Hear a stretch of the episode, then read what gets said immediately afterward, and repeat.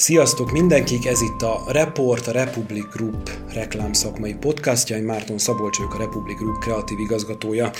2022 első adásában vagyunk, és ezt az első adás egy olyan témával fogjuk megtölteni, amiről az elmúlt másfél-két évben még sohasem beszélgettünk, pedig az egyik legizgalmasabb témakör, ami egyébként egy kommunikációs vagy reklám szakembert érinthet, mert hogy a szektor nagyon izgalmas, ez az autóipar, és minden, ami az autókhoz köthető. Két úriembert hívtam ma vendégségbe, akik nagyon értik azt, hogy mi zajlik ebben a szektorban, hiszen egyikük az autókkal foglalkozik, a másik pedig az autókra kerülő gumiabroncsokkal. Mindjárt kiderül pontosan, hogy miről is beszélgetünk, hiszen egyik vendégem Márton Gabriel, Drussa egyébként, aki a Michelin lengyel, cseh, szlovák és a Baltikumért felelős marketingigazgatója, illetve Kovács Pál a másik vendégem, aki a Hyundai Magyarország ügyvezető igazgatója. Sziasztok, köszönöm szépen szépen, hogy elfogadtátok a meghívást, örülök, hogy itt vagytok. Mindig egy bemelegítő kérdéssel kezdjük, ez a hogy vagytok, mi van veletek, de most úgy fogom kezdeni, hogy milyen volt a karácsony, van-e újévi fogadalom, hogy indult az új év. Gábriel, mi van veled, mi a helyzet? Sziasztok, köszönöm, hogy itt lehetek. Jó volt a karácsony egyébként, tehát én most kivételesen kivettem három hét szabadságot, úgyhogy tényleg nincs sokom panaszra. Jól indul az év, egyébként sokat ingázok, hiszen én Budapesten élek családilag, de viszont Varsóban és Prágában van a, a csapatom, úgyhogy tudom, hogy manapság azt mondani, hogy kvázi két hetente repülők, vagy hetente repülők, az egy ritka dolog a Covid járvány kellős közepén, tehát ez megy, jól indul az év, jó évet zártunk, úgyhogy minden rendben. Szuper, volt fogadalom? Um, nem tudom, a franciáknál egyébként van fogadalom az új évre, mert a magyaroknál ez egy szokás, nem tudom, hogy a franciáknál egyébként. Igen, igen, igen, szokás az is. Volt egy fogadalom, tehát hogy én, én mindig próbálok azon gondolkozni, hogy hogy lehetne hatékonyabban dolgozni. Tehát nem, ami nem azt jelenti, hogy kevesebbet feltétlenül, de több dolgot jobban megcsinálni. Úgyhogy van egy-két fogadalom. Meetingekkel kapcsolatban.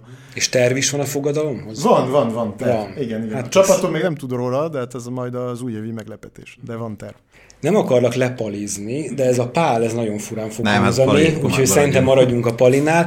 Na, volt-e fogadalom, milyen volt a karácsony, milyen az új év, mit vársz egyébként 2022-től? Hát karácsony az hasonlóan jól sikerült, én nagy, nagy karácsony rajongó vagyok egyébként, tehát az egyik kedvenc időszakom az évben, úgyhogy a múlt évben is nagyon jól telt fogadalmat nem szoktam, ezt, ezt így az elmúlt, nem tudom, talán kb. 40 év alatt megtanultam, hogy teljesen fölösleges dolog, mert általában nem jönnek be, legalábbis az ilyen személyes fogadalmak, tehát nyilván egy szakmai irány az más, de, de úgy személy szerint én már nem nagyon szoktam. Az jó, mert akkor nem szeged meg. Ez ugye, így ez, igen, ez, igen. ez már egy szerencsés. Jó. Um, ugye az elmúlt lassan két évünket, igen, azért nagyon meghatározta ez a, ez a járvány, ez a, ez a történet, és nagyon sok szektor, nagyon sok képviselője volt már a vendégem itt, és nyilván mindenkit nagyon másképpen érintett. Tehát akik a gasztronómiából jöttek, tudtak mesélni a vendéglátásról, a kereskedelemről, stb.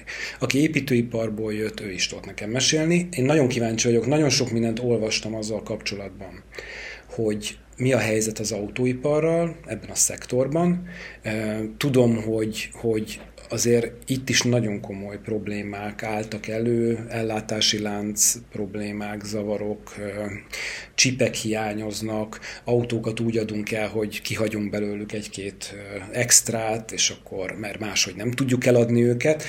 A gumikról sokkal kevesebbet tudok, de majd Gábriel most kicsit mesélsz nekünk erről, szóval nézzük már meg először ilyen madártávlatból, hogy hogyan is élte meg ez az iparág, ez a, ez a szektor, ezt az elmúlt két évet. És most Palit kérdezem először, hogy adj nekünk egy ilyen átfogó képet, hogy mi történt itt az elmúlt két évben. Igen, talán, talán azt tudom erre mondani, hogy, hogy nem is feltétlenül az egészségügyi vonatkozása érintette a legjobban az autóipart, sokkal inkább azok a kísérő jelenségek, amik a, a pandémia időszakában megjelentek, gondolok itt akár a hiány helyzetre, akár a félvezetők területén, de nagyon sok más alkatrészsel kapcsolatban is, de, de olyan gazdasági vonatkozása is volt ennek az időszaknak, mint mondjuk az árfolyam ingadozás, amiket nagyon nehéz volt kezelni, tehát nem maga az egészségügyi vészhelyzet, vagy az egészségügyi szituáció a világban volt az, ami csak önmagában érintette volna az iparágat, hanem, hanem ennél sokkal szerteágazóbb vonatkozásai voltak ennek az időszaknak. Magyarországon a régióhoz viszonyítva talán egy kicsit enyhébb voltak, enyhébbek voltak azok a gazdaságot is érintő korlátozások, amikkel szembesülnünk kellett. Például nem volt gyakorlatilag egy olyan nap sem Magyarországon, amikor a márkakereskedéseknek, márkaszervizeknek zárva kellett, hogy maradjanak. Szemben mondjuk a régióba tapasztalható eseményekkel, akár hogyha Csehországra, Szlovákiára gondolunk, nagyon sok és szigorú korlátozással kellett szembesülniük, de mai napig vannak olyan nyugat-európai országok, ahol komoly korlátozások mellett tudnak csak működni a, a márkakereskedések.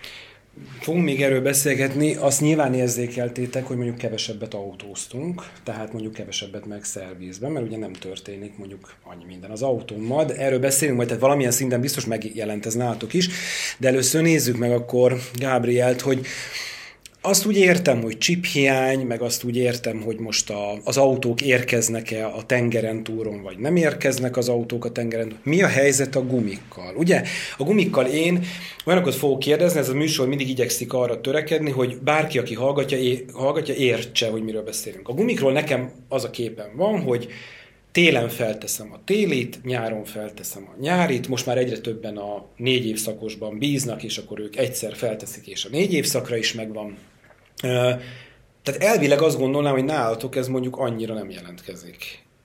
Ezt nem annyira érzékelitek, de én biztos tévedek, te viszont biztos el tudod mondani, hogy ez így van, vagy nem így van. Akkor én egy kicsit visszatekernék, jó? Tehát, hogy most képzeljük el az, hogy március 2026 írunk, beüt ez a pandémia. Egy olyan gyártócégnél, mint nálunk, van 120 ezer dolgozó. Tehát, hogy ami azt jelenti, hogy a fő, és ebből nagyon sok gyári dolgozó, tehát, hogy mi egy gyártó cég vagyunk, gyártó és forgalmazó cég vagyunk. Először az első dolog, hogy hogy érjük el, hogy mindenki biztonságban legyen. Ha irodában dolgozol, az elég egyszerű. Hazamész, fölrakod a Teams-et a gépedre, általában fönn is van rakva, és elkezded a megbeszéléseket. Ha gyárban dolgozol, egy kicsit nehezebb. Úgyhogy nagyon sok új protokollt kellett bevezetni, elkezdtünk maszkokat gyártani. Tehát ami elég fura dolog, saját maszkokat gyártani. Vettünk is sokat, elkezdtünk alkoholos gélt gyártani. Tehát, hogy ezeket, illetve vettünk elég sokat. Tehát, hogy mindenki... Ezzel is adtátok? Nem. Vagy csak az magatok? Főleg belső használat aha, volt. Aha, Tehát az első cél, az első cél, lehet, hogy eladtunk egy párat, uh-huh. az mhm. első cél az ilyen belső használat, hogy a gyárak tudjanak dolgozni. Tehát ez volt az első dolog, hogy mindenki biztonságban legyen. Ez volt március. Április-májusban elkezdtek zuhanni a piacok. Ha Európát nézzük, az elég elképesztő, hogy például nyugati piacokon volt olyan hónap, ahol mínusz 50, mínusz 60, mínusz 80 százalék a piac. Tehát, hogy nem kicsi zuhanásokról, és hogy ennek az volt a fő oka, hogy senki se tudta, hogy mi fog történni. Ergo mi történik? Egy forgalmazó, tehát egy gumiforgalmazó kezdi leállítani a rendeléseket, mert azt mondja, hogy a fő dolog a cash flow, tehát maradjon meg a cég, és ilyenkor mi történik? A gyárak leállnak, hát hiszen egy gyártó cég nem fog gyártani, ha nincs erre kereslet. De ez nem tartott sokáig, hanem a második szemeszterben, mi mindig 2020-at írunk, akkor nagyon-nagyon elkezdett, tehát újraindult az egész kereslet, de a gyárnak a felfutása, ez egy kis időt igényel azért, mert egy gyárat leállítani, az elég gyors, felfutatni egy kicsit hosszabb. Tehát az volt az első... a leállítás, az úgy kell elképzelnem, hogy nem jönnek be a megrendelések, és akkor azt mondjátok, hogy holnap nem kell jönni. A gyárleállítás az úgy kell elképzelni, hogy vagy teljesen leállítod, vagy azt mondod, hogy egy hétig nem termelsz, két napig nem termelsz, három napig nem termelsz, és a többi. Tehát vannak ilyen ingadozások. Nem minden gyárat érintette, de volt olyan gyára, ahol ez megtörtént. Ez volt 2020. Utána újra indult a, a, a, a kereslet, de viszont a kínálat egy kicsit lemaradt, tehát hogy a gyárakat újra kellett felfutni, felfuttatni. Nagyon sok abroncs, még a, ha az európai piacot nézünk, azért van elég sok abroncs, ami Ázsiából jön. Azok már nem jöttek. Tehát, hogy konténer, konténer hiány volt, drágultak a konténerek, mikor nem volt hiány, akkor ahelyett, hogy két hónap alatt, vagy hat hét alatt ide érjen, akkor ide értek négy hónap alatt, és a többi, és a többi. És akkor kezdtek szépen kiürülni a készletek, tehát a gumiforgalom. De nektek az, hogy most furán fog hangzani, az, hogy Ázsiából nem jönnek gumik, az nektek jó? Van olyan szegmens, ahol jó, ahol nagyon jó, hiszen amikor itt jártunk Európában, az jó. Van olyan szegmens, ahol nekünk is van némi, nem sok uh, ázsiai gyártásunk, ja, ja, ja. akkor egy kicsit uh, nem, olyan nem olyan jó, de összességében egyébként nekünk jó volt, mert hiszen nagyon sok európai gyártásunk volt. A forgalmazóknál az keletkezett, hogy kezdtek kiürülni ürülni a készletet, és ergo a 2021-es év az úgy indult, hogy nulla készlettel, majdnem nulla készlettel indítottak az évet a forgalmazók, és nagyon-nagyon-nagyon sokat rendeltek. És most is egyébként ezek a hiányok megvannak, tehát a 2021-es év az úgy fejeződött be, hogy majdnem nulla készlettel minden nagy forgalmazóknál, és akkor újraindul az egész. A konténer hiány és az ázsiai hiányok azok még mindig léteznek, uh-huh. hogy, hogy kézzelfogható legyen az egész. Két évvel ezelőtt nagyjából egy ilyen konténer, tehát egy ilyen gumikonténer, az került 2000-3500 dollárba, ha Ázsiából jött meg. Most került 15 ezer dollárba. Jó? Tehát ötször. Ötször. Aha. Ha jó árod van. van láttam 20 ezeres dolláros uh-huh. konténereket, ez a gumiabroncsal mondom, de ugyanaz a probléma van gondolom az autógyártással, ugyanaz a probléma van az elektronikával, és a többi. És ez részben is magyarázza, nem csak az magyarázza, hogy miért van infláció, tehát a termékeknek az ára miért megy fölfelé. Az csak egyik része a magyarázatnak. Uh-huh. Úgyhogy összességében egyébként jó évet zártunk, uh-huh. de uh, havonta változik a helyzet, tehát ingadozik minden. Uh-huh. Konténerek, árfolyam, hiányok, készletek, és a többi. Úgyhogy eléggé izgalmas. Két dolog lesz a mai adásban, amit biztosan meg fogok tőled kérdezni. Ez kicsit ilyen személyes, pont a múltkor beszélgettem az egyik ismerősömmel, és mondta nekem, hogy szerinted még mindig ilyen gumifából csinálják, a, úgy megkarcolják a fát, és úgy csorog, és nem tudom, hogy ez valami teljesen máshogy állítják el. Úgyhogy most az elején tisztázzuk le, miből készül a gumi. Egy gumiabroncsban körülbelül ilyen több mint 200 hozzatévő van. Tehát, hogy nem csak kaucsú. És a kaucsuk az mennyi része, mondjuk, hogy kell elképzelni? A száznak a... Nem, nem akarok itt tippelni, mert nem tudom fejből, hogy mennyi része. De a legnagyobb része? Van sok, igen, persze, a nagy, legnagyobb része. És ez még mindig van... egy fa, amit valahol... Van, van fa is, és van, uh, van uh, szintetikus is, tehát hogy van a, és vannak keveréke, tehát hogy elég sok minden van. Például nálunk vannak saját ültetvényünk. Tehát, hogy a Michelinnek több ültetvénye van. Brazíliában vannak saját ültetvényünk, Indonéziában vannak ültetvények. Tehát olyanok vagytok, mint a Nespresso, akinek kávé ültetvénye van, ti mentek és születelitek a kaucsukot, hogy legyen belőle gumi. Nem száz százalék, mert mondjuk a 200 millió abroncsot gyártunk évente, tehát hogy az Aha. elég sok fa kell, de igen, vannak ültetvények. Tehát a kaucsú az... az... Szuper. Hyundai ültetvények szerintem nincsenek, tehát az a, az a gyanúm, hogy nincsenek, viszont most menjünk egy picit mélyebbre. Beszéltünk az előbb erről az ellátási témáról, meg chip hiány, meg félvezető, meg nem tudom. Itt bányászattól indul a sztori, tehát hogy ehhez olyan anyagokat kell bányászni, és a bányák, és az ottani emberek, ezért nincs ez szállítás, megvan az anyag, csak nem tudják átszállítani, vagy nem tudják abba a gyárba szállítani, vagy az emberek, a HR, és nincs, aki ott ezt így kitalálja, összerakja. Tehát mit jelent az, hogy tök jó hangzik, minden ezt olvasok, hogy chip hiány, de mit jelent ez pontosan? Hát mindez együtt, tehát uh-huh. ugye, hogyha egy autóra nézünk, ott is elképesztően komplex a, a, a rendszer, tehát nagyon-nagyon sok alkatrész, és amit a Gabriela elmondott a, a gumival kapcsolatban, az, az tulajdonképpen külön-külön minden komponensre is igaz. Tehát ö, ö, Ausztráliából például a vasérc érkezik Koreába, ott a Hyundai saját acélművébe előállítanak belőle acélt, ezt aztán te, terítik a világba, a, a helyi koreai gyártás, Kína Európa nagyon sok irányba, és akkor ez egyetlen egy dolog, ami ugye nagy része az autónak, de, de nem a legkomplexebb része. Hogyha a csipeket nézzük, ezt azért jellemzően külső beszállítóktól vásárolják az autógyártók. Ez az, ami most sokan változtatni szeretnének az elmúlt két év eseményeinek alapján. Ugye a Hyundai is vásárolt egy, egy chipgyárat, hogy ez mikor tud majd realizálódni a, ennek a pozitív hozadéka, az egy külön kérdés, de elindult ebbe az irányba nagyon sok autógyártó, hogy próbálnak a saját lábukra állni. Ez a hyundai már több éve, sőt évtizede irány volt, hogy próbáltunk sok mindent előállítani a saját, saját kereteinken belül, nyilván kisebb kiszolgáltat, kiszolgáltatottságot jelent a, a piac felé, de hát ez, ez azért sok idő, mire, mire beérik. Azt mondjuk, hogy chip hiány. Nagyon egyszerűeket fogok kérdezni, de nem baj, csak hogy mindenki értse. Egy autóban egy chip van. Nem, rengeteg, rengeteg chip van. Nagyon, nagyon, nagyon függ attól is, hogy milyen autóról beszélünk. Nyilván minél inkább elektromos autóról, minél annál több benne a vezetéstámogató rendszer, annál, annál több chipre van szükség. Ugye nem véletlen az, hogy több gyártó abba az irányba gondolkodik, hogy kihagyja a, a hifit az autóból, vagy bizonyos biztonsági opciókat kihagy ideiglenesen az autókból, természetesen az ügyfelek tudtával, vagy, vagy az ügyfeleket tájékoztatva, vagy mondjuk egy digitális műszeregységről, ahol már nem mutatóval működött a sebességmérő, hanem digitális volt, átállnak vissza a, a, az analóg megoldásra, mert hogy próbálnak minél kevesebb csippel boldogulni.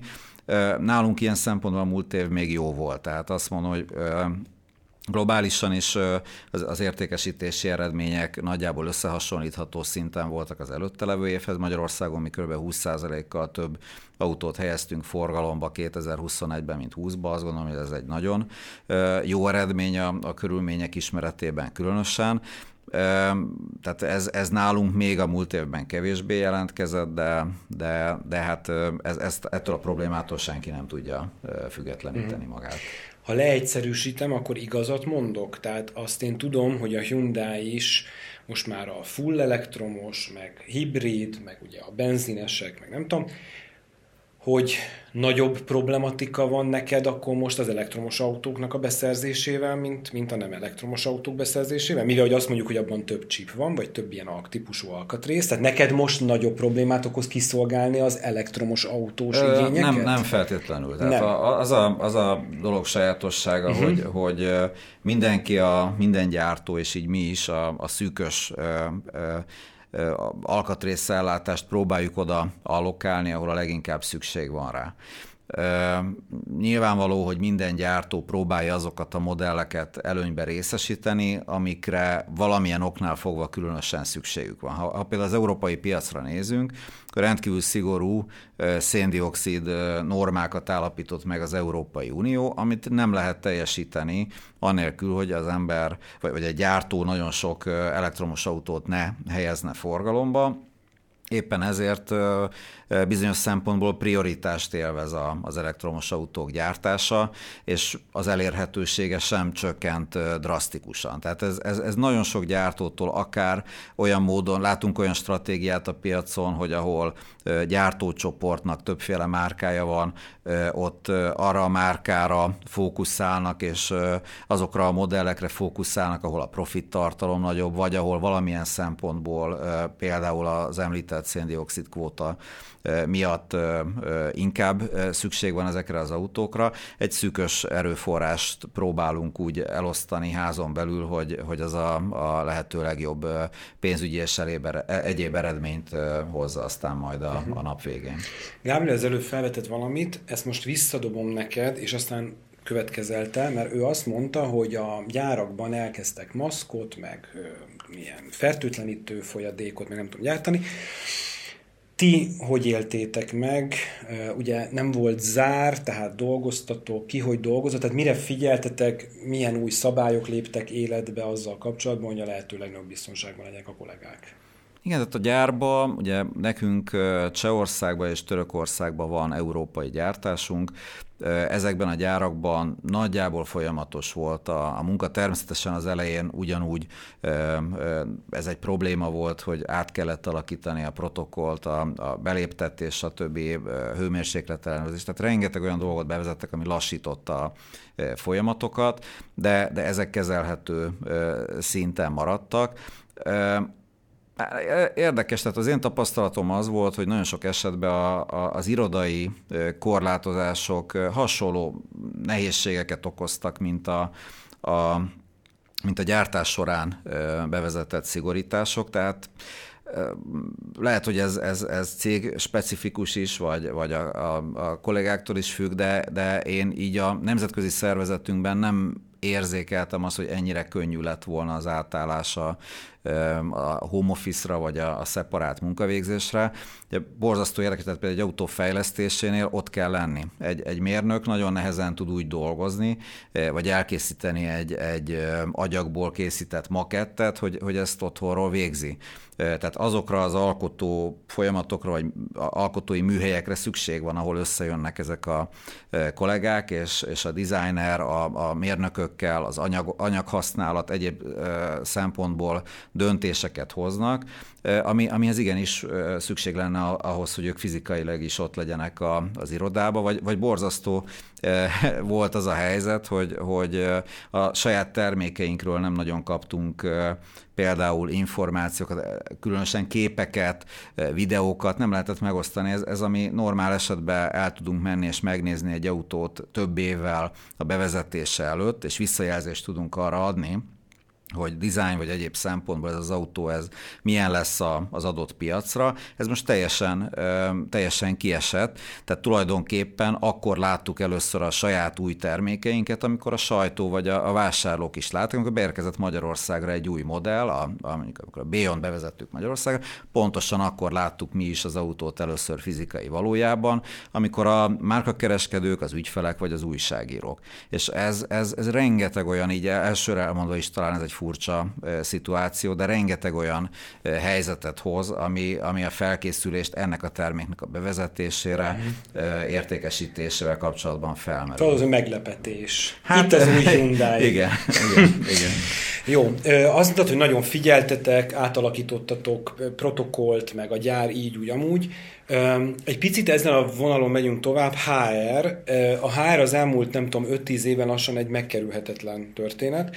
Egyrészt kellett-e bárkit elküldeni, vagy hogy áll a munkaerő egyébként mondjuk a ti szektorotokban? Változott-e valamit a pandémia ideje alatt, és most van ezzel teendőtök, mit kell tennetek ahhoz, hogy, hogy mindig ott legyenek nálatok azok az emberek, akik, akik végzik és csinálják és fejlesztik? Először jó hír, hogy nem kellett senkit elküldeni, tehát hogy se az irodából, se a gyárakból. Egyébként most a gyárak, ahogy mondtam, teljes gőzzel mennek, tehát hogy abszolút fullon vannak, hogy hála Isten. Nem kellett senkit se elküldeni, változtak némi dolgok. Tehát ha nézem, mondjuk most beszélek inkább az irodai munkáról, vagy mondjuk az értékesítésről. Ez a hibrid munka stílus, ami arról szól, hogy néha bemész, néha, dolgo, néha otthonról dolgozol, de az jelenti, hogy egy értékesítő is, aki eddig mondjuk lehet, hogy hétfőtől péntekig járta az országot, az lehet, hogy csak három napot fog utazni, és a többi napon másképpen fog értékesíteni. Tehát, hogy online hívja az ügyfeleket, teams és a többi. Ezekről az elején azt gondoltuk, hogy Hát lehet, hogy az csak egy pár hónapig fog tartani, de úgy tűnik, hogy nem. Tehát ami egy ilyen trend, az most egy strukturális dolog, tehát hogy mi abszolút bevezettük azt a hibrid munka módszer, és nagyon hatékony. Tehát nagyon hatékony. Mondok egy példát, lehet, hogy egy értékesítő eddig, nálunk az volt a szabály, hogy egy értékesítő például naponta négy-öt ügyfelet kell, hogy látogassa. Most lehet, hogy kettőt fog meglátogatni, tehát hogy élőben, fizikálisan, de lehet, hogy utána lesz 4-5-6 online hívása. Tehát kisebb, de viszont több ilyen touchpointot fog tudni uh, elérni. Tehát azok, azok abszolút megmaradtak.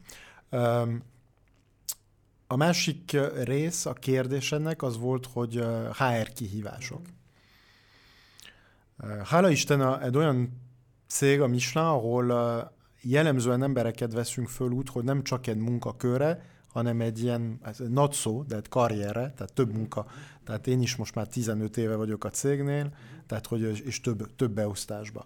Úgyhogy nagyon sok képzés van nálunk, nagyon sok, és hogy jellemzően nagyon kicsi a turnover, tehát megmaradnak az emberek, mert hogy látják, hogy nem a turnover, a pénz turnover, hanem az ember, emberi turnover, hogy megmaradnak, mert azt látják, hogy vannak lehetőségek. Úgyhogy jellemzően ilyen, ilyen jellegű problémával nem küzdünk. Nyilván az infláció, a bérfejlesztés és a többi, az mindig egy ilyen gazdasági nyomás, de ez, ez minden iparágban az van, tehát hogy ez nem egy ilyen különleges dolog, tehát hogy Magyarországon vagy Közép-Európában, Közép-Kelet-Európában mindenütt van az az infláció, mindenütt mennek föl a bérek, azt gondoljuk, hogy ha mennek föl a bérek, akkor fogyasztóknak is több pénzük lesz talán fogyasztani, hogy Na jó, tehát azért sokan voltak nálam, és ők azért nem egészen ezt mesélték, tehát nem azt mondták, azt mondták, hogy azért a fluktuáció azért magas. Te azt mondod, hogy nálatok nem. Akkor valamit nagyon jól csináltok, tehát hogy, hogy nem tudom, nagyon komoly apparátus van erre, nagyon komoly nemzetközi protokollok vannak arra, hogy hogyan tartsatok meg munkaerőt, mert a, egy késő Y, Z-generációs bizony nem tetszik valami, azonnal dobbant lép, kész, jön a következő. Tehát, hogy erre akkor e- ezek szerint nagyon figyelhettek, hogyha azt mondod, hogy, hogy nálatok alacsony ez a fluktuáció, tehát hogy aki bekerül a rendszerbe, az látja maga előtt. A, mit, mit tesztek ezért? Tehát milyen, milyen oktatás, programok, csapatépítés, mi a... So, sok a, sok a, sok a Hát például a csapatomban eh, jelenleg, és elég sok fiatal is van, tehát nálam fiatalabb, eh, azért eh, mondanám, hogy nincs egyelőre fluktuáció. Lekopogom, de nincs fluktuáció. Nyilván van egy természetes fluktuáció, mikor valakit előre léptetünk, és a többi cégen belül, tehát ez egy jó fluktuáció.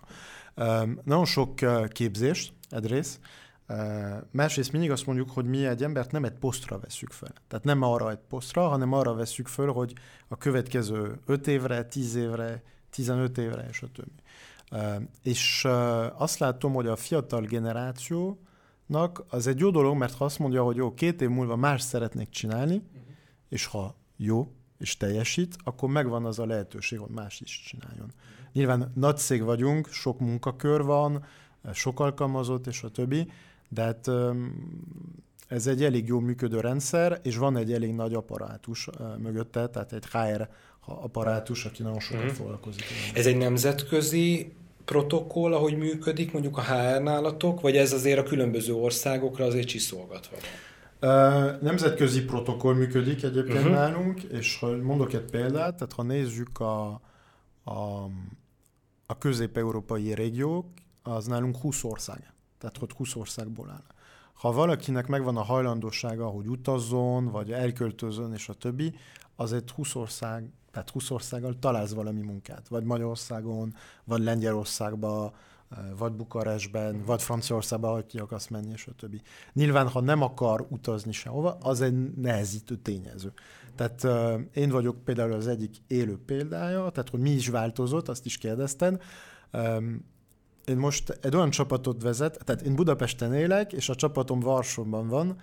és Prágában. Szerintem ez a Covid előtt ilyen jellegű pozíció, az nem, az nem volt lehetséges. Uh-huh. Tehát most a cégek is rájöttek, hogyha valaki ingázik, uh-huh. plusz home office, plusz számítógép, plusz néha találkozik online, és ez, ez a vegyes munka, munkamódszer, ez egy működőképes dolog. És hogy egyre rugalmasabbak ebben a cégben. Szerintem. Uh-huh. Rugalmas a Hyundai is?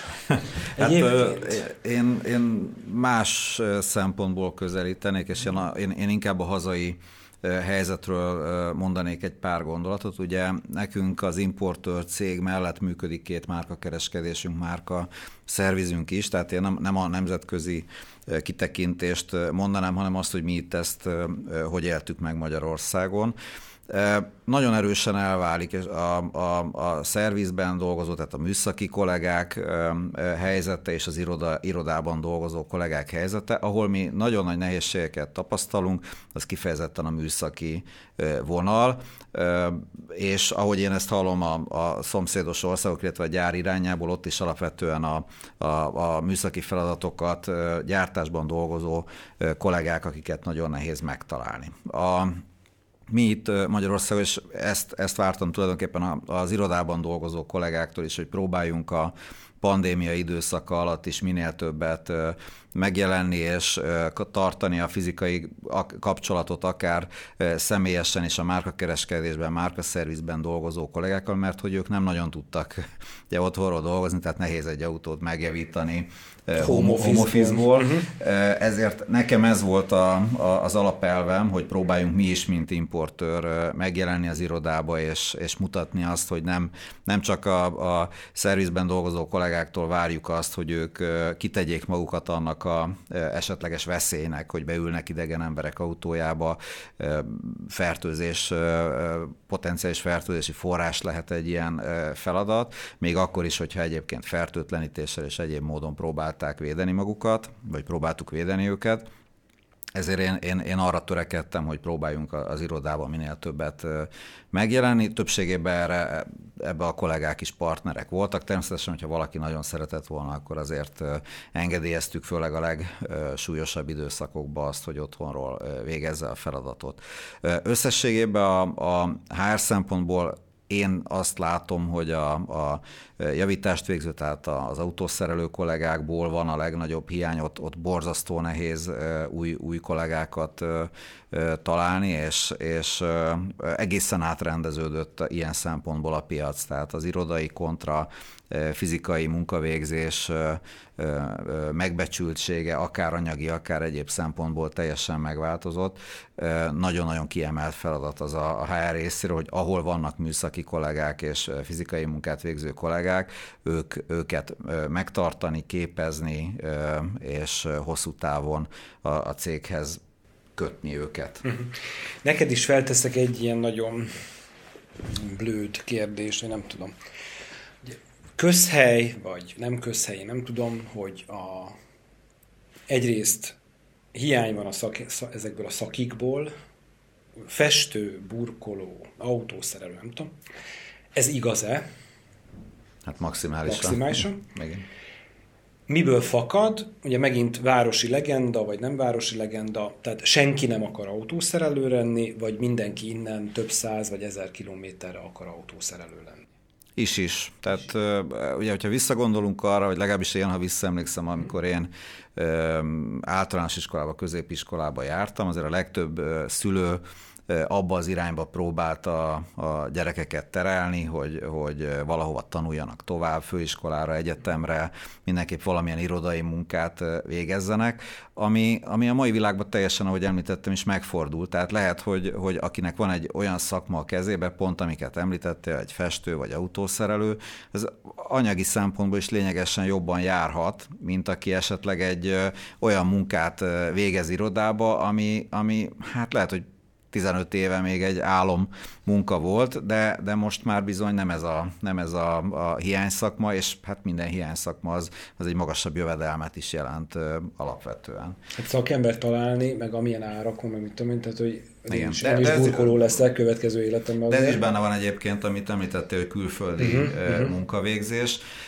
Ugye az, az autós szakmát én azt gondolom, hogy ha ránézünk a piaci számokra, akkor sokkal jobban sújtott a pénzügyi válság ugye 2000-es években, akkor, akkor a negyedére esett vissza a piac, amiről most szó nem volt a, a pandémia alatt, és akkor rengeteg márkakereskedés, márkaszerviz került abba a helyzetbe, hogy muszáj volt neki elküldeni az embereket, vagy olyan szinten megvágni a fizetésüket, ami az akkoriban amúgy se magas fizetésüket, ami ellehetetlenítette az itt, itt az itteni életüket ezeknek a kollégáknak, és hát bizony akkor nagyon sokan elhagyták a, az országot, és német vagy angol piacokra mentek javítani, ami, ahonnan jöttek azóta vissza, nem tömegével, de érkeztek vissza kollégák, tehát van egy ilyen fajta trend is, de, de de ez is hozzájárult, tehát az ő elvándorlásuk nagyon erősen hozzájárult ahhoz, hogy most ilyen hiány szakmává vált a, a, a minden, ami az autó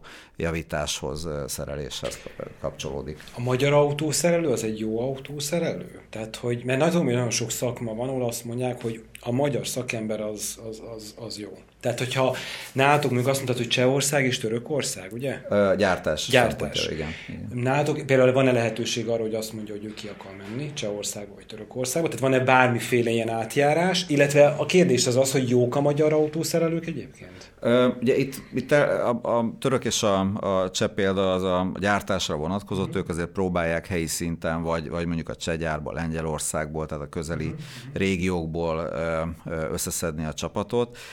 A magyar autószerelők én azt gondolom, hogy jók, tehát a nemzetközi versenyeken is jó eredményt szoktak a, a magyar kollégák elérni.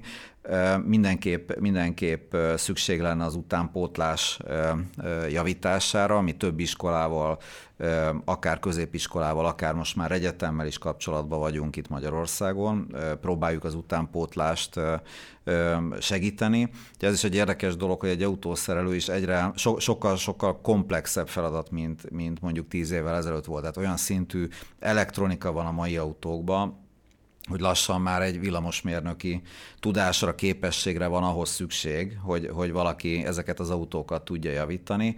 Tehát mi próbálunk ezekkel az iskolákkal együttműködni, és ilyen módon utánpótlást képezni. Nyilván a kereslet kínálat ki fogja előbb-utóbb egyenlíteni egymást, de hát ez egy, ez egy, ez egy több éves folyamat lesz. Uh-huh. No, akkor itt most jó terepre érkezünk egyébként, mert hogy ez a fejlesztés, meg újdonságok, meg ilyesmi, ez érdekel engem. Ehm, hogy kell elképzelni mondjuk egy autó, gumigyártó cégnél a fejlesztéseket? Tehát ugye a kaucsuk az kaucsuk. Ugye öntögetek még hozzá ezt, azt, azt kutyulászom, kicsit ebből többet, kicsit abból felfedeztem valamit, nem tudom, és akkor Júj, na most, na most megtaláltuk azt a keveréket, ami a legjobb lesz. Tehát, hogy ez folyamatosan gondolom zajlik, tehát ti is fejlesztetek. Ebben részt tud venni valaki, aki jelentkezik a Michelinhez, és őt ez érdekli, és ezzel tud foglalkozni, vagy hogy kell ezt elképzelni, mert el nem tudom képzelni, hogy hogy fejlesztik az autógumikat, de nagyon érdekel. Jó, hát úgy, ke- úgy kell elképzelni egyébként, hogy mikor csinálsz egy ilyen autógumi, eh, egyrészt több ezer méret van, tehát hogy ez több ezer cikkszám van, tehát hogy mérettől is függ, hogy most mit fejlesztesz, egy 18-19-20 szoros abroncsod, vagy egy 13 szoros abroncsod. Ez nem ugyanaz a technológia kerül bele. Nagyon sok fejlesztés egyébként közösen történik az autógyártókkal, hiszen van egy ilyen első szerelési gyártásunk is, és van az utánpótlás. Tehát nem mindig ugyanazok az abroncsok kerülnek első szerelésre, vagy utánpótlásra. Tehát nem ugyanazok a, a kritériumok szoktak nem minden, nem mindenütt ugyanaz az abroncs minőségben, nem a minőségről beszélek, hanem az elvárások, hogy az egyiknek például jobb kell, hogy legyen a nedves tapadása, a másiknak azt mondja az autógyártó, hogy inkább legyen egy alacsony gördülési ellenállás, a széndiokszid kibocsátás miatt, ami nagyon fontos most az autógyártóknak, mm. tehát hogy különböző. A, a gumifejlesztések az általában úgy történnek, hogy egy ilyen 5 vagy 10 éves terv nagyjából. Tehát, hogy 5 évre előre dolgozunk, minimum. Van több kutatás és fejlesztési központunk egyébként. Az egyik a fő Európára az Franciaországban van, tehát ott van egy ilyen kutatás és fejlesztés, és vannak különböző csoportok. Személyabroncs, teherabroncs, mezőgazdasági és a többi, és vannak tesztpályák. Tehát a saját tesztpályák és bérelt tesztpályák, tehát van saját tesztpályánk is, több Európában, és ott teszteljük igazándiból az abroncsokat. Um, azért egy nagyon-nagyon komplex technológia, mert azt úgy kell elképzelni, hogy azért az abroncs az az egyetlen kontakt az autó és az út között. Tehát nincs más. Tehát, hogy van egy autó, van egy út, és mele, köz, közötte van egy abroncs. És hogy képzel el, hogy ennek az abroncsak nagyon, tehát télen működni kell, nyáron működni kell, kis sebességgel működni kell, nagy sebességgel, fékezés, és a többi. Tehát egy nagyon-nagyon komplex termék. Ha valaki akar erre jelentkezni, lehet rá jelentkezni. Jellemzően mérnökök, nyilván, vagy kémiával foglalkozó kollégák. Tehát, hogy van, aki a keverékekkel. anyag ismer, milyen mérnök? Tehát mit tanul ő az egyetem? Anyagismeret, Aha, fizika, gyártás technológia, gyártás Aha. kémia és a többi. Van uh, egyébként nekünk belső képzés is, tehát úgy kell elképzelni, hogy mikor a kutatás és fejlesztési központba kerülnek jellemzően mérnökök, vagy például van, aki a high-tech materiallal foglalkozó, tehát hogy kolléga, kémiával foglalkozó, nagyon sok kémikus alkalmazunk, tehát nagyon vegyes egyébként képzések vannak. No, egy nagyon érdekes részlet, megint jön egy személyesebb dolog. Nem vagyok egy ilyen izgulós gyerek, de és tök érdekes, hogy így fogalmaztam, meg ezen gondolkozom, ezt megkérdezem, megkérdezem, de most, hogy így mondtad, hogy az autó és az út között ez az egyetlen kapcsolódás van. Nem, amikor vezetek, akkor az néha eszembe jut, így a, még a kressz oktatásból, meg minden onnan volt az, hogy mi van akkor, hogyha a jobb első megy el, ha a bal, hát mi, mi az, amikor meg lehet fogni az autót, nem lehet megfogni az autót, terele, terele. Még nem volt soha ilyen, nem. Tudsz nekem mondani egy olyat, hogy mennyire kell nekem ettől félni? Mondjuk egy ilyen nagyon komoly, tehát nem tudom, autópályán 130-nál egy durdefekt, hogy ez milyen gyakoriságú dolog ez? Mondjuk én odafigyelek a gumira, a mélység megvan, tehát ez egy ápolt gumi, stb. De előfordulhat. Hogy ez, szerintem ez mennyire gyakori dolog, mert ez néha eszembe jut, hogy mi van, ha egyszer elrepülök, meg kidúran a gumi. Ez egy elég ritka dolog. Ritka? Igen. Tehát ez De egy elég, hála Isten, elég ritka dolog. Igen. Nem azt mondom, hogy nincs olyan, Igen. tehát hogy nyilván egy dur defekt az előfordulhat, Igen. de elég ritka dolog. Tehát, hogy uh, Történt már veled durdefekt? Nem. Nem. Nem. Nem tudom, milyen az, amikor el. Velem se történt. Tehát elég sokat utaztam, elég sok helyen, elég vicces vagy fursa utakon, tehát hogy én Romániában is dolgoztam több évig, tehát hogy ott, ott volt szerencsém érdekes utakon is vezetni, nem történt dual defekt. Az az igazság, hogy edrész a, általában az abroncsok egyre jobbak, tehát egyre csapabírók egyébként, az autók is egyre jobbak, egyre gyorsabban jelzik is, ha van valami probléma az abroncsal, tehát hiszen van már beépített rendszer és a gumiba, és az autóba, hogy jelezze, a modernebb autókba, és az utak is egyre jobbak egyébként. Bármit is mondunk, tehát hogy nyilván mindenki jön a saját történetével, hogy az én utcámba bezeg, ott van ez az út, és hogy mit csinál az önkormányzat, és a többi, de hogy egyre jobbak. Tehát a dur defekt az, az, az, az előfordulhat, de Aha. nagyon ritka. Aha. Még akkor mindig azt szokott eszembe jutni, hogy nem, valaki fáradt volt a gyárba, rosszul csinál valamit, én megkaptam azt a gumit, és akkor pont nem tudom, ott nem figyelte, és akkor Apropó ez az együttműködés, tehát hogy jelez az autó, az én autóm egyébként jelez, tehát azt mondja, hogy alacsony a e, guminyomás. Igen, igen, igen. Egy többször volt olyan, hogy nem volt az. Az lehet? Azonnal mentem a benzinkútra, rátette az ember a valamit, és azt mondta, hogy hm, jó, Hát Miért jelező? Vagy, szerintem vagy mit, akkor pont azon a határon táncolhatott a, a nyomás, hogy, hogy ide-oda ingadozott. Ez akár akár az éjszakai hőmérséklet, hogyha drasztikusan éjszaka csökken, akkor ugye a nyomás csökken a, a, a levegő térfogatta miatt. Tehát ez, ez ilyen, a, ilyen szempontból szerintem a keréknyomás ellenőrző rendszerek jók, tehát inkább érdemes tehát rá, ránézni fölöslegesen. Rá, nem? Igen, uh-huh, igen, uh-huh. tehát én, én mindenképp ezt javaslom, illetve uh-huh. azt is, hogy, hogy, hogy használjunk ilyet, mert van, van, aki például a téli guminál nem szeretné átrakatni a szelepeket, ami jelzést adna az elektronikának, tehát vannak ezzel ilyen uh, trükkök, én semmiképp se javaslom uh-huh. szerintem. Van, van sok uh, nagyon fölösleges biztonsági felszerelés, a, a, a, amit különböző szabályozások miatt be kell tenni az autókba, de szerintem a keréknyomás ellenőrző rendszer az nem ilyen. Tehát az, az tényleg akár gazdasági szempontból, akár a gumitartósága miatt, akár biztonsági szempontból az egy jó, jó dolog, és érdemes rá odafigyelni. No, Gabriel itt elindította ezt a fejlesztést, és hogy fejlesztenek és autógyárakkal közösen. Ez egy partneri viszony egyébként? Tehát úgy kell elképzelnem, hogy az autógyár és az autógumi gyár, vagy a gyártó cégek, ezek partneri, vagy ez egy aláfölé rendelt Szóri hozzá nekem nem, négy nem, kereket. Nem, hát ez egyértelműen egy partner, és nagyon sok ilyen partnerrel dolgozik egy autógyár, vagy egy fejlesztő központ, mert inkább ezeket nem is annyira a gyárban, hanem külön fejlesztő központokban állítják, vagy, vagy tervezik meg az autókat, de az egyik legfontosabb egyértelműen. Ezt a, úgy kell elképzelnem egyébként, hogy a két nagy cég cég feje dílel, és azt mondja, hogy mostantól a Hyundai-ban ilyen gumik lesznek, ezt így kell elképzelnem, és, és az direkt az, tehát úgy is fejlesztődik, és ilyen kapcsolódások vannak? Hát nyilván ez egy tender folyamat is, tehát Aha. ennek van gazdasági és és egyéb vetülete is, de, de tényleg az összes ilyen szempont, amit a, amit a Gabriel mondott, a, a széndiokszid kibocsátás, hogy, hogy milyen autóra kerül, nyilván egy elektromos autóra egészen másfajta sebességindex, tehát tényleg ilyen nagyon nem, szerintem egyikünk se akarja nagyon túl műszaki vonalra terelni a dolgot, de rengeteg olyan vetülete miatt, vetülete van a guminak is, ami, ami az autógyártás során nagyon fontos. Uh-huh, uh-huh, uh-huh.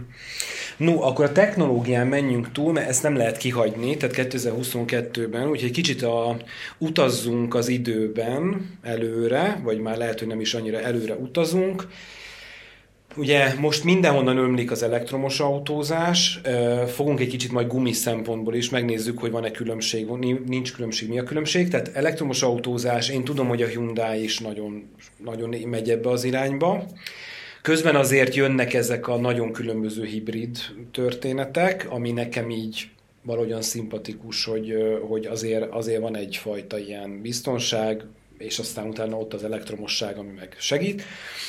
Szóval, hogy hova tart ez, mibe vagytok ti most, hiszed, nem hiszed, és egészen odáig is elmehetnénk. Egyébként, hogy mikor lesz az, amikor én alszok egy jó nagyot a vezetőülésben, és legközelebb majd csopakon szállok ki az autóból. Ez eljön-e, vagy látod-e ezt?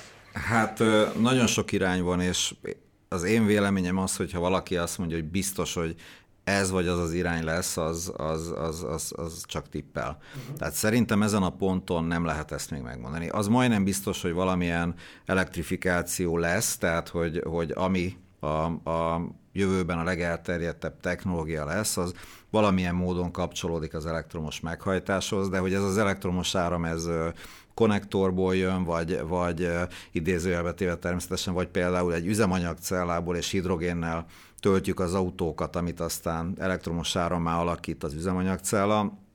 Ezt én ezen a ponton nem merném megtippelni, és azt is gondolom, hogy több technológia fog egymás mellett létezni, tehát nem, nem nehéz azt belátni, hogy például egy városi közlekedéshez egy kis autó viszonylag kis akkumulátorral és egy tisztán villanymotorral tökéletes megoldás, de például hosszú távokat utazni, én valószínűleg szívesebben indulnék el egy üzemanyagcellás autóval, amit 5 perc alatt meg lehet tölteni 5-600 kilométeres távra hidrogénnel. Természetesen ehhez kell infrastruktúra is, de ha ott van egy, egy töltőkút, akkor, akkor tulajdonképpen a benzin, dízel, tehát a belső égésű motorokkal azonos módon kezelhető autó az, amit így kaphatunk.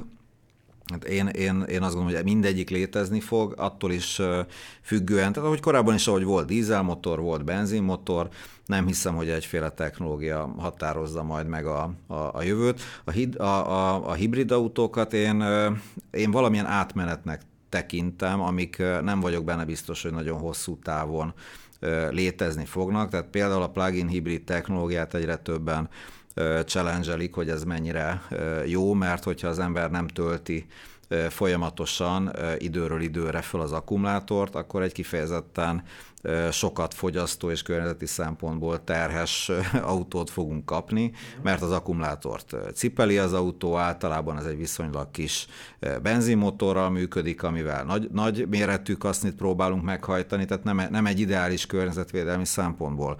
Ha minden nap feltöltjük, és annyit megyünk minden nap, amennyit villanyárammal el tud menni az autó, akkor, akkor teljesen jó megoldás, de, de sajnos én azt látom, hogy nem ez a tipikus felhasználási mód. És a, az önvezetés, és ezek a...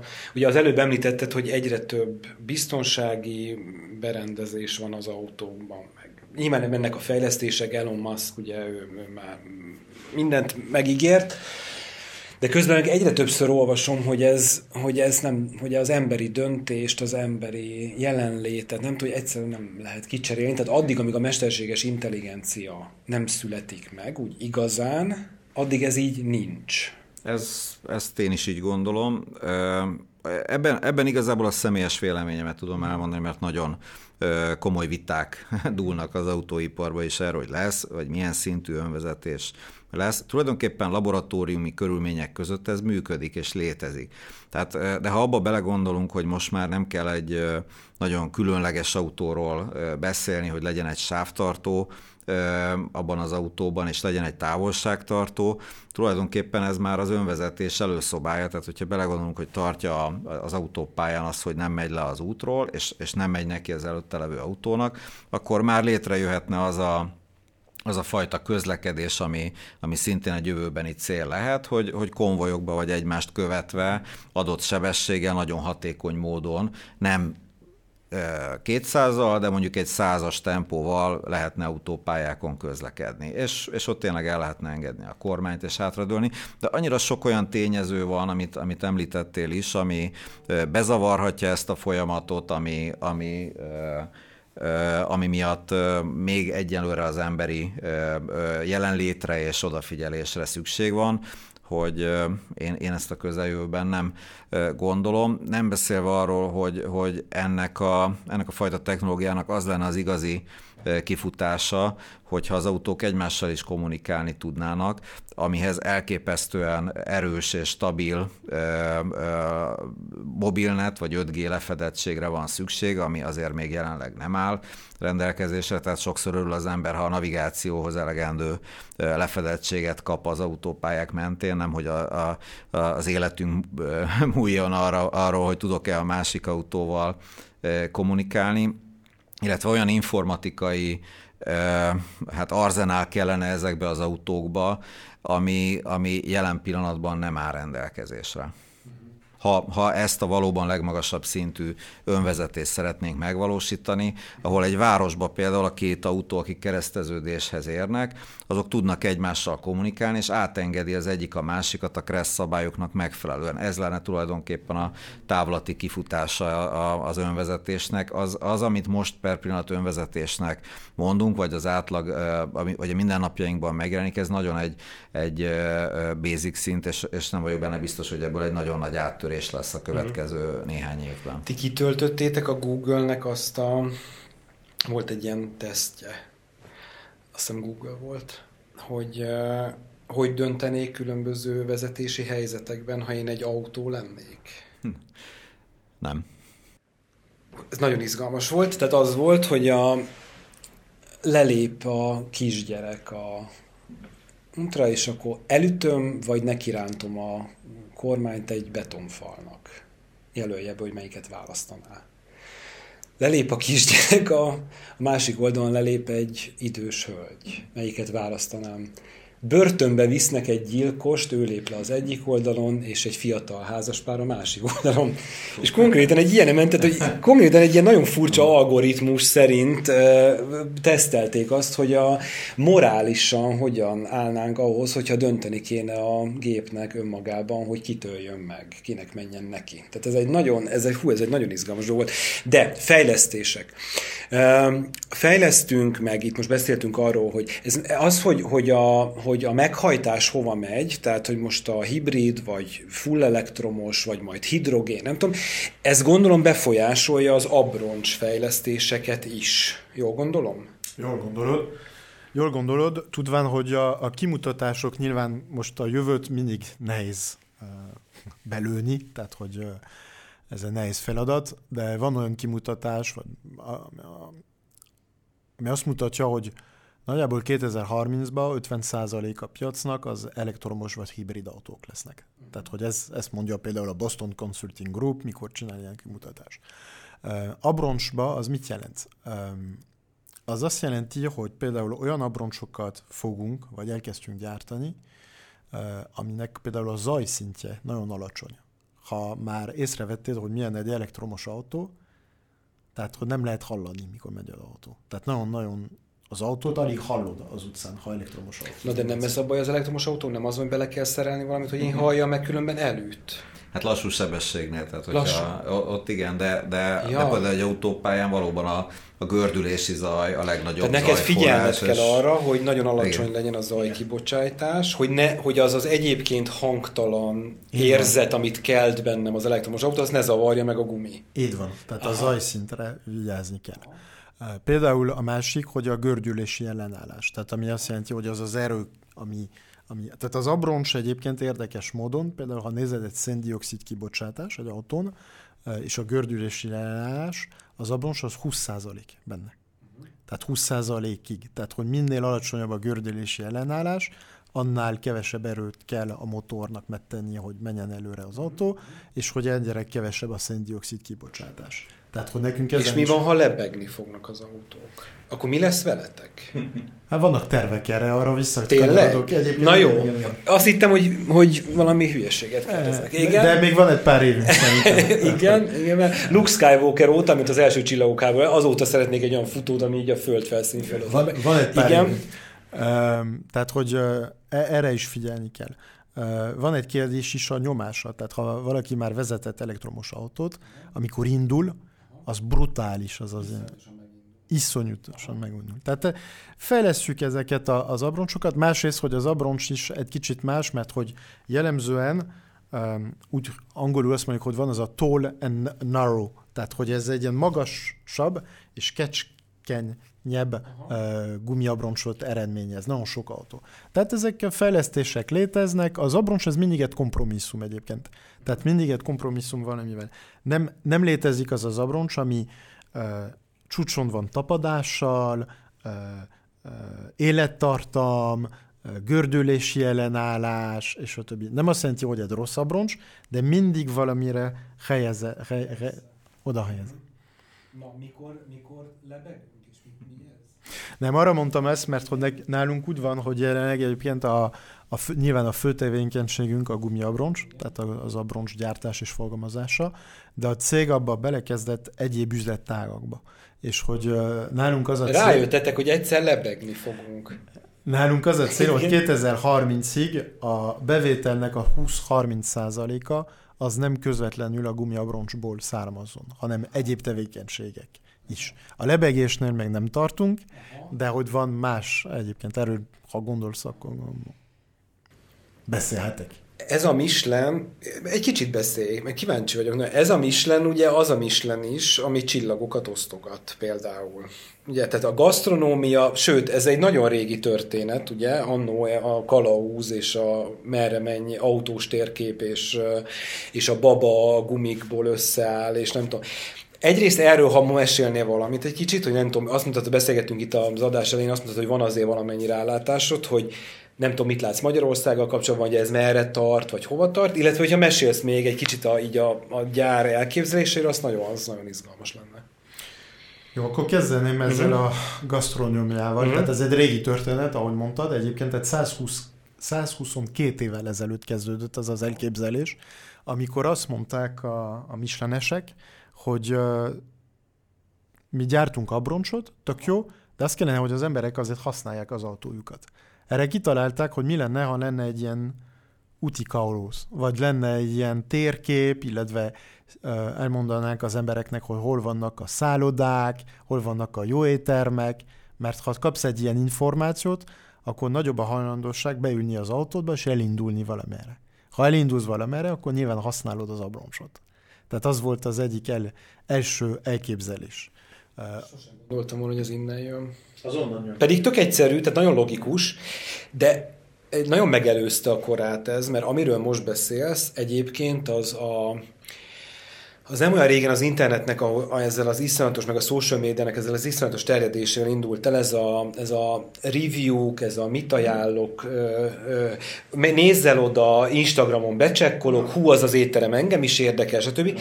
Ti 122 évvel ezelőtt valami nagyon hasonlót találtatok ki egy térkép formájában. Térkép formájában, utána jöttek a, a, a szállodáknak a listája, utána jöttek az éttermeknek a listája. És utána lett egy ajánló, a kalauz. És utána lett az ajánló.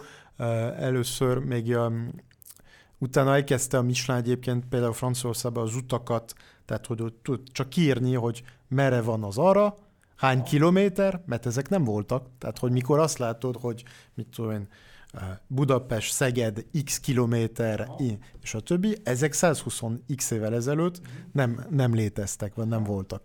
Úgyhogy eh, ez is benne van. Azóta nyilván egy kicsit kifinomultabb az egész, úgyhogy visszatérve a gasztronómára, um, nyilván uh, nálunk az van, hogy megcéloz egy bizonyos réteg, aki ezek be az éttermekbe szeretne járni, és hogy bízik benne, hogy azért ez egy ilyen, ez egy ilyen jó lista. Hála Isten Pesten is egyébként egyre, Budapesten, Magyarországon egyre több ilyen étterem van. A másik, hogy branding szempontjából ez hogy kell megközelíteni. A gumiabroncsba az van, hogy veszel egy abroncsot, és utána két, három, négy évig nem veszel. Általában. Tehát, ha nem vagy kapcsolatban a márkával, napi szinten, vagy havi szinten, vagy éves szinten. Uh-huh. Viszont a márkával úgy lehetsz kapcsolatba, ha mész az éttermekbe, ha nézed az ajánlásokat, ha követed az információt, mert általában éttermekbe gyakrabban jársz, mint két-három évente. Tehát főleg ez a réteg, aki ilyen jellegű szolgáltatásra szere, szere, vesz igényt.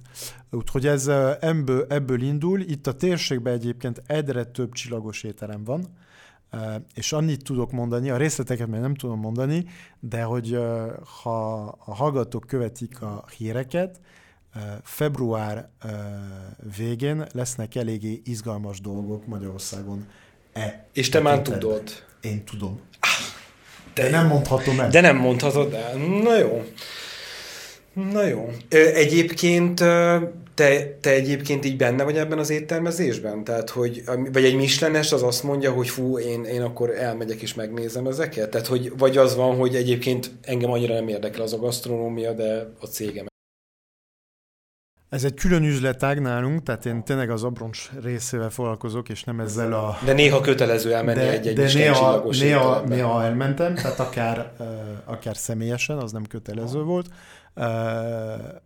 akár szakmailag, mert hogy partnereket vittünk, vagy elég nagy partnereket vittünk oda, vagy volt egy ilyen céges vacsoránk, nyilván mikor valamit kellett ünnepelni, mert ezek nem két filléres, filléres helyek, de igen, elmentem, és egyébként elképesztő, hogy milyen minőség van. Tehát, hogy elképesztő, hogy milyen minőség. No, Innen megyünk tovább, mert hogy még egy dolog érdekelne engem az autó gumikkal kapcsolatban, gumiabroncsokkal kapcsolatban. Ugye amikor a hibridről, meg az elektromos autózásról beszélünk, akkor azért nem titkoltan egyébként a Pali, neked mondom, hogy ilyenkor mindig az Ibolya, megjegyzés, Ördög Ibolya, aki a Hyundai egyébként marketing kommunikációs vezetője, mondta azt, hogy Szabikám, addig hallgass ezeknek a motoroknak a hangját, amíg még lesz. És ő, ő te, teljesen így készül, mert ha már hangról beszélünk, hogy azt mondta, hogy jó V8-as, milyen, hogy hogy mert. Szóval, amikor erről beszélünk, akkor nyilván környezetvédelemről beszélünk, tehát, hogy ha van forró téma ma, úgy mindenhol, akkor az az, hogy mi lesz velünk, meg mi lesz a bolygóval, mi lesz a gyerekeink bolygójával, meg nem tudom. Na most, akkor igyekszünk, most nem, most nem menjünk el abba az irányba, mert ugye a múltkor beszélgettem valakivel, és kiderült, hogy jó, de ő nem tudja, hogy az elektromos autóknak mi, mi a, tehát hogy azok milyen hatással lesznek a környezetre, azok a, az akkumulátorok, meg azokat hogy lehet majd újrahasznosítani, meg megsemmisíteni, meg nem tudom, stb. Most ezt engedjük el, tehát mondjuk azt, hogy ezek tisztább történetek, tehát igyekszünk a bolygóra odafigyelni, stb. stb. És itt jön be nekem még egy kérdés, hogy sajnos azonban ugye ez az éghajlatváltozás, a környezetünknek a változása, az bizony elindított egy olyan folyamatot, hogy én már nem tudom, mikor tegyem fel a téli gumit, nem tudom, mikor vegyem le, mert már volt, hogy áprilisban levettem, aztán nyári gumival jöttem haza Debrecenből ide Pestre, 130-al azért a tükörjégen.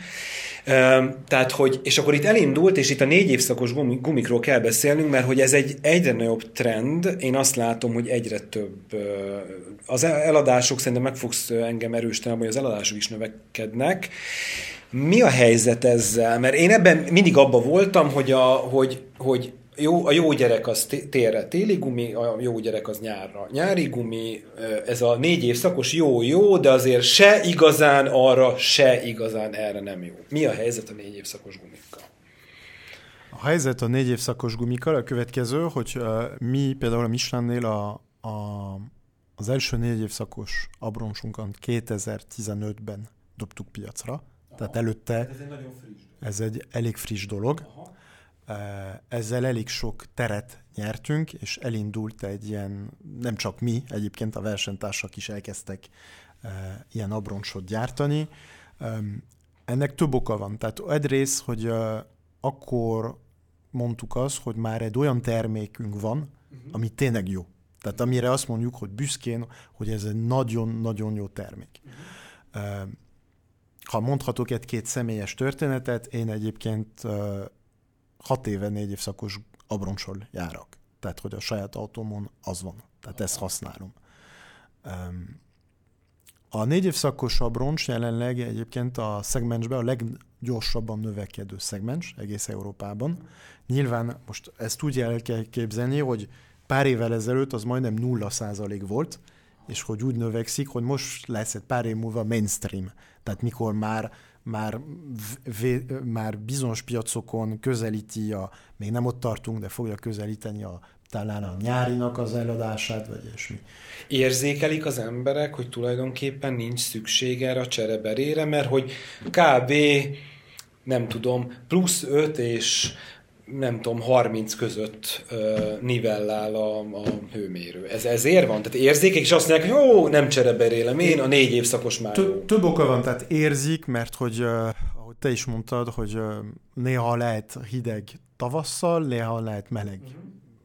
Tudom, lehet uh, meleg uh, télen is, tehát hogy uh, uh, egyre egyébként melegebb van, sajnos. Uh, másrészt azt is érzékelik, hogy bizony, azt mondom, hogy ha a hegyekben laknál, Aha. akkor használj téli abroncsot. De például, ha Budapesten laksz, uh-huh. és hogy mész az autópályán, néha elmész sielni két, három, négy, öt napig, uh-huh. akkor nyugodtan lehet ny- négy évszakos használni. Uh-huh. Lehet nyárit is, télit is, attól függ, hogy mit szeretnél, de hogy nyugodtan lehet egyébként négy évszakos használni, biztonságban vagy. Um, ennek több, több oka van, hogy miért válasszák ezt az emberek. Egyrészt, hogy uh, el kell mondani, hogy fogyasztó, és lehet, hogy a gumiforgalmazók nem fognak annak örülni, de hogy fogyasztó szempontjából mennyi gumit cserélni kétszer évente, az, az nem vicces, az nem feltétlenül egy kellemes dolog, akkor is, ha nagyon jól dolgoznak a forgalmazók és a többi, tehát nem erről van szó, hanem az embernek ideje, pénze, ez néha bizonyos fogyasztóknak ez egy nyűg. Mikor rájöttek, hogy ez egy működő dolog a négy évszakos, akkor nem térnek vissza. Nagyon kevesen térnek vissza. Én azzal szoktam mondani, hogy az olyan, mintha van olyan fogyasztó, aki azt mondja, hogy én eddig a manuális sebességváltót használtam, és utána kipróbálja az automata sebességváltót. Nagyon kevés olyan ember, aki kipróbálta az automatát, mondja, hogy vissza akarok térni. Ugyanaz van a négy évszakossal. Aha, aha. Hm. Tudtátok, én ezt most tudtam meg, az elmúlt másfél-két évtizedben az autóipar tette a legnagyobb lépéseket a károsanyag kibocsátás csökkentéséért. Ez engem tökre meglepett. Tehát, hogy olyan érdekes, hogy a szídjuk, meg mondjuk, hogy a pöfögnek itt össze-vissza, meg nem tudom, és közben egyébként a ti iparágatok, ami az éllovasa ennek az egész történetnek, hogy visszafogja, miközben nem ti vagytok a legnagyobb szennyezők. Egyébként ez egy tök érdekes dolog. És innen kanyarodunk rá az utolsó témánkra. Egy picit itt érintettük itt a jövő nemzedék, meg hova megyünk, társadalom, stb. Én azt láttam a hyundai kapcsolatban, amikor most gyorsan megnézegettem, azért ismerem a márkát, meg figyelgettem, de láttam, hogy azért ti elég sok mindenbe beleálltok. Itt segítetek, ott segítettek, ennek segítetek, annak segítetek, és nem mehetünk el, tehát 2022-ben úgy adás nem mehet le, hogy egy picit a márkának a, a vállalásait nem nézzük meg, hogy nem beszélgetünk arról, hogy azon túl, hogy vegyetek nagyon klassz Hyundai autókat, azon túl mire figyel még ez a cég, mi az, amit fontosnak gondol, és, és mennyire foglalkozik azzal, hogy, hogy jobb legyen valahogy itt ez a világ körülöttünk? Én azt látom, és, és ilyen szempontból ez tényleg, és ez nem egy ilyen marketing szöveg, de nagyon szívesen és jó érzéssel dolgozom a márkáért, hogy, hogy nagyon sok mindent tesz az autóhoz kapcsolódó és nem kapcsolódó módon. Ugye, a, a, ami nem szorosan kapcsolódik, az rengeteg olyan intézmény és ügy segítése, múzeumok, iskolák, eh, hátrányos helyzetű szervezetek támogatása, ami, eh, ami nem szorosan kapcsolódik az autókhoz. Eh, ta, talán ezt a, a széndiokszid kibocsátásos dolgot azért nem elemezném hosszasan, mert beszéltünk róla sokat, és ez most az alap feladata minden autógyártónak, tehát ez nem, nem, egy, nem egy extra, hogy valaki erre különösen fókuszál. De például a Hyundai-nál megjelenik egy olyan vonal is, ami, ami véleményem szerint hát legalább olyan fontos, hanem még fontosabb, mint a széndiokszid kibocsátás. Az autók előállítása során és a felhasznált anyagok előállítása során milyen környezeti terhelés éri a, a, világot. Itt például az új Ioniq 5 ami egy tisztán elektromos autó esetében nagyon sok olyan hát szelektív hulladékot használnak a, az előállításnál, vagy, vagy, vagy egy nagyon érdekes példa, hogy a, a, az autó szőnyegei, azok az óceánokból gyűjtött halászhálókból készülnek, ami hát egy egészen új megközelítés, és nyilván nem nehéz belátni, hogy egy bonyolultabb és drágább folyamat annál, mint hogyha egy újonnan előállított műanyagot vagy műanyag szálat használnának ezekhez a szőnyegekhez, de, de, de hát egy sokkal, hogy mondjam, a jövő szempontjából nemesebb dolog az, hogy begyűjtjük ezeket a hálókat egy, egy alapítvány segítségével, aki, aki már sok éve végzi ezt a tevékenységet, és ebből készülnek a, a szőnyegek, de például az üléshúzat előállítása során PET palackokat hasznosítanak újra, tehát új, újra élednek ezek a műanyagok egy, egy autó gyártásánál, ami, ami, ami, ami azt gondolom, hogy, hogy ez kell legyen a jövő, tehát hogy, hogy lehet alacsony széndiokszid kibocsátású autókat gyártani, de azért a végcél az lenne, hogy, hogy ne termeljünk sok fölösleges hulladékot magunk körül, mert egy újrahasznosítás is nyilván energiaigényes, de hogyha ezt nulláról kezdenénk, és nem meglévő anyagokat hasznosítanánk újra, az még nagyobb terhelést jelentene. Halászhálóból lehet gumit csinálni, vagy nem lehet, illetve hogy nektek mi a, nektek mi a ezzel a kapcsolatban az álláspont. Magyarországon Sajnos még mindig nem ritka, hogy gumiabroncsal fűtenek például emberek. Nyilván ezt nem erre találták ki, ugye, tehát hogy nem annyira szerencsés. Tehát, hogy te mit látsz nemzetközi szinten, hogy, hogy nyilván egy ekkora cégnek biztosan vannak vállalásai, a purpose, mint olyan biztosan megjelenik a cégben. Mi a Michelinnek a, a, a filozófiája ezzel kapcsolatban? Nekünk a purpose az elég egyértelmű, és egyébként a piacok felé is kommunikáljuk eléggé rendszeresen. Tehát, hogy több dologból áll. E, Egyrésztben ez a, ez a people, planet, profit, tehát az emberek, környezet, haszon, és hogy ennek a, az egyensúlyát kell kitalálni a következő évekre. Ha azt akarjuk, hogy a gyerekeink és a gyerekeinknek a gyerekei még tudjanak ezen a bolygón élni egyelőre. Tehát, hogy nekünk egyértelmű, hogy ez a, ez a cél, hogy ez, ez meglegyen a, az a balánc, vagy az, a, az az egyensúly.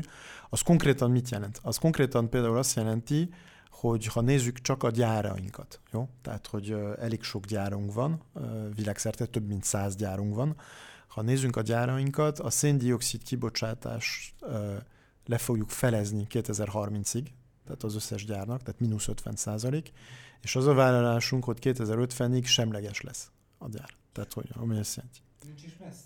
Nincs is messze. Uh-huh. Illetve nálunk ki is van mondva, hogy 2050-ig mindent, amit gyártunk, vagy minden, amit gyártunk, az fenntartható kell, hogy legyen. Minden egyes gyártás. 200 millió abroncsot gyártunk jelenleg évente, nem tudom, hogy 2050-ben mennyit fogunk gyártani, lesznek egyéb üzlettágunk egyébként, mondtam, hogy más új irányokba is elindultunk, de minden fenntartható legyen 2050-ig. Nincs olyan messze egyébként. Még csak egy érdekes, mert ezt sem tudom. Mi történik? Tehát a, a guminak mi a vége, az életének a vége? A, a, gumit, a guminak sok minden történhet vele, tehát újrahasznosítás szempontjából van, amikor uh, például belekerülhet utakba, aszfaltba. Van, amikor... Újra gumi nem tud belőle lenni? De, újragumi is tud belőle lenni. Aha. Tehát egyre több olyan technológia van nálunk, és egyre több lesz, amiből azt mondjuk, hogy újra tudjuk hasznosítani az abroncsot. Tehát, hogy újra a gumit, rész, részek és a többi, nem minden része, de hogy szerintem 20 év múlva simán el tudom képzelni, hogy mindent fogjuk tudni újra hasznosítani, vagy már olyan technológiák lesznek. Um, például nálunk most vannak olyan technológiák is, ahol levegő nélküli abroncsokat is elkezdtünk gyártani. Tehát ezt tudsz el, kell elképzelni. Akkor nem fog kidurrani. Az biztos, mert nem fog kidurrani, nincs ne benne levegő. Aha. Újra hasznosító abroncsok. Uh, tehát ilyen jellegű uh, dolgok lesznek. Van, ami már létezik, van, ami prototípus, de hogy abszolút ez az irány egyébként. És a végén lebegünk. Talán lebegünk. Talán lebegünk. Jó, utolsó egy mondattal. Egy prognózis, egy, egy öröm 2022-ben mi lenne az, amire azt mondanád, hogy ha ez 2022-ben, ugye Pali mondta, hogy ő nem fogadkozik, neked egy fogadalmad volt, de most nézzük meg, hogy mi lenne az a dolog, hogy december 31-én itt ülnénk, és azt mondod, hogy na ez meg lett 2022-ben, én jól vagyok, elégedett vagyok. Ez lehet üzleti, bármilyen. Hát ha nézek üzletit, um, én akkor lennék boldog nyilván, ha egy jó üzleti évet sikerül újra zárnunk, de nem csak nekünk, hanem a forgalmazóknak is, elégedett fogyasztók is, tehát az is fontos, hogy a fogyasztók is elégedett legyenek, sőt, az talán a legfontosabb az egészbe. Én, én annak örülnék, ha ez a pozitív trend, ami van, az, az folytatódna. Annak is örülnék, ha ennek a Covid-nak vége lenne, és hogy sokan várjuk, hogy tudjunk találkozni barátainkkal, forgalmazókkal, kollégákkal. Azért úgy kell elképzelni, hogy nagyon sok kollégával, kollégákkal, nemzetközi szinten nem találkoztunk két és fél éve. Nagyon sok ügyfélel, nagy ügyfelekkel alig tudtunk találkozni, hiszen mindig vannak ezek a protokollok. Hogy én, én annak örülnék egyébként, ha lehetne újra találkozni. Jó, én meg azt kívánom neked, mert az elején azt mondtad, hogy egy hatékonyabb munkavégzést fogadtál meg, úgyhogy én azt kívánom, hogy a, ezt a fogadalmadat sikerüljön betartani. Pali, te nem fogadtál semmit, viszont nem. valami elképzelésed, álmod, vágyat 2022-re mégiscsak van.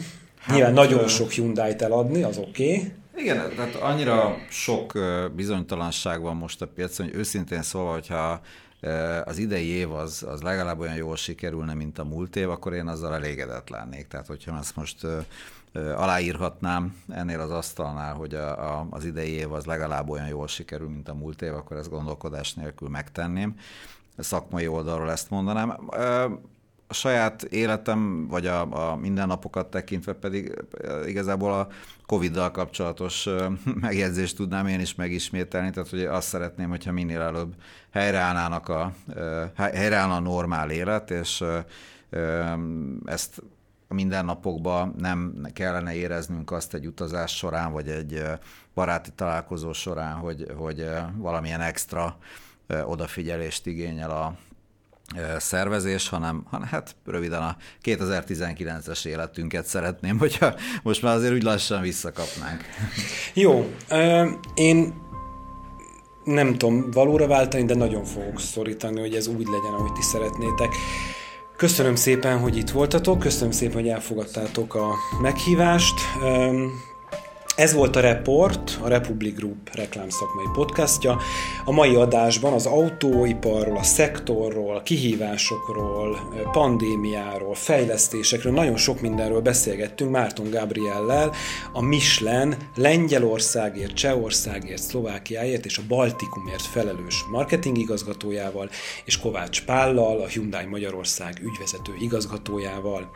Köszönöm a figyelmet, legközelebb két hét múlva találkozunk, addig is sziasztok!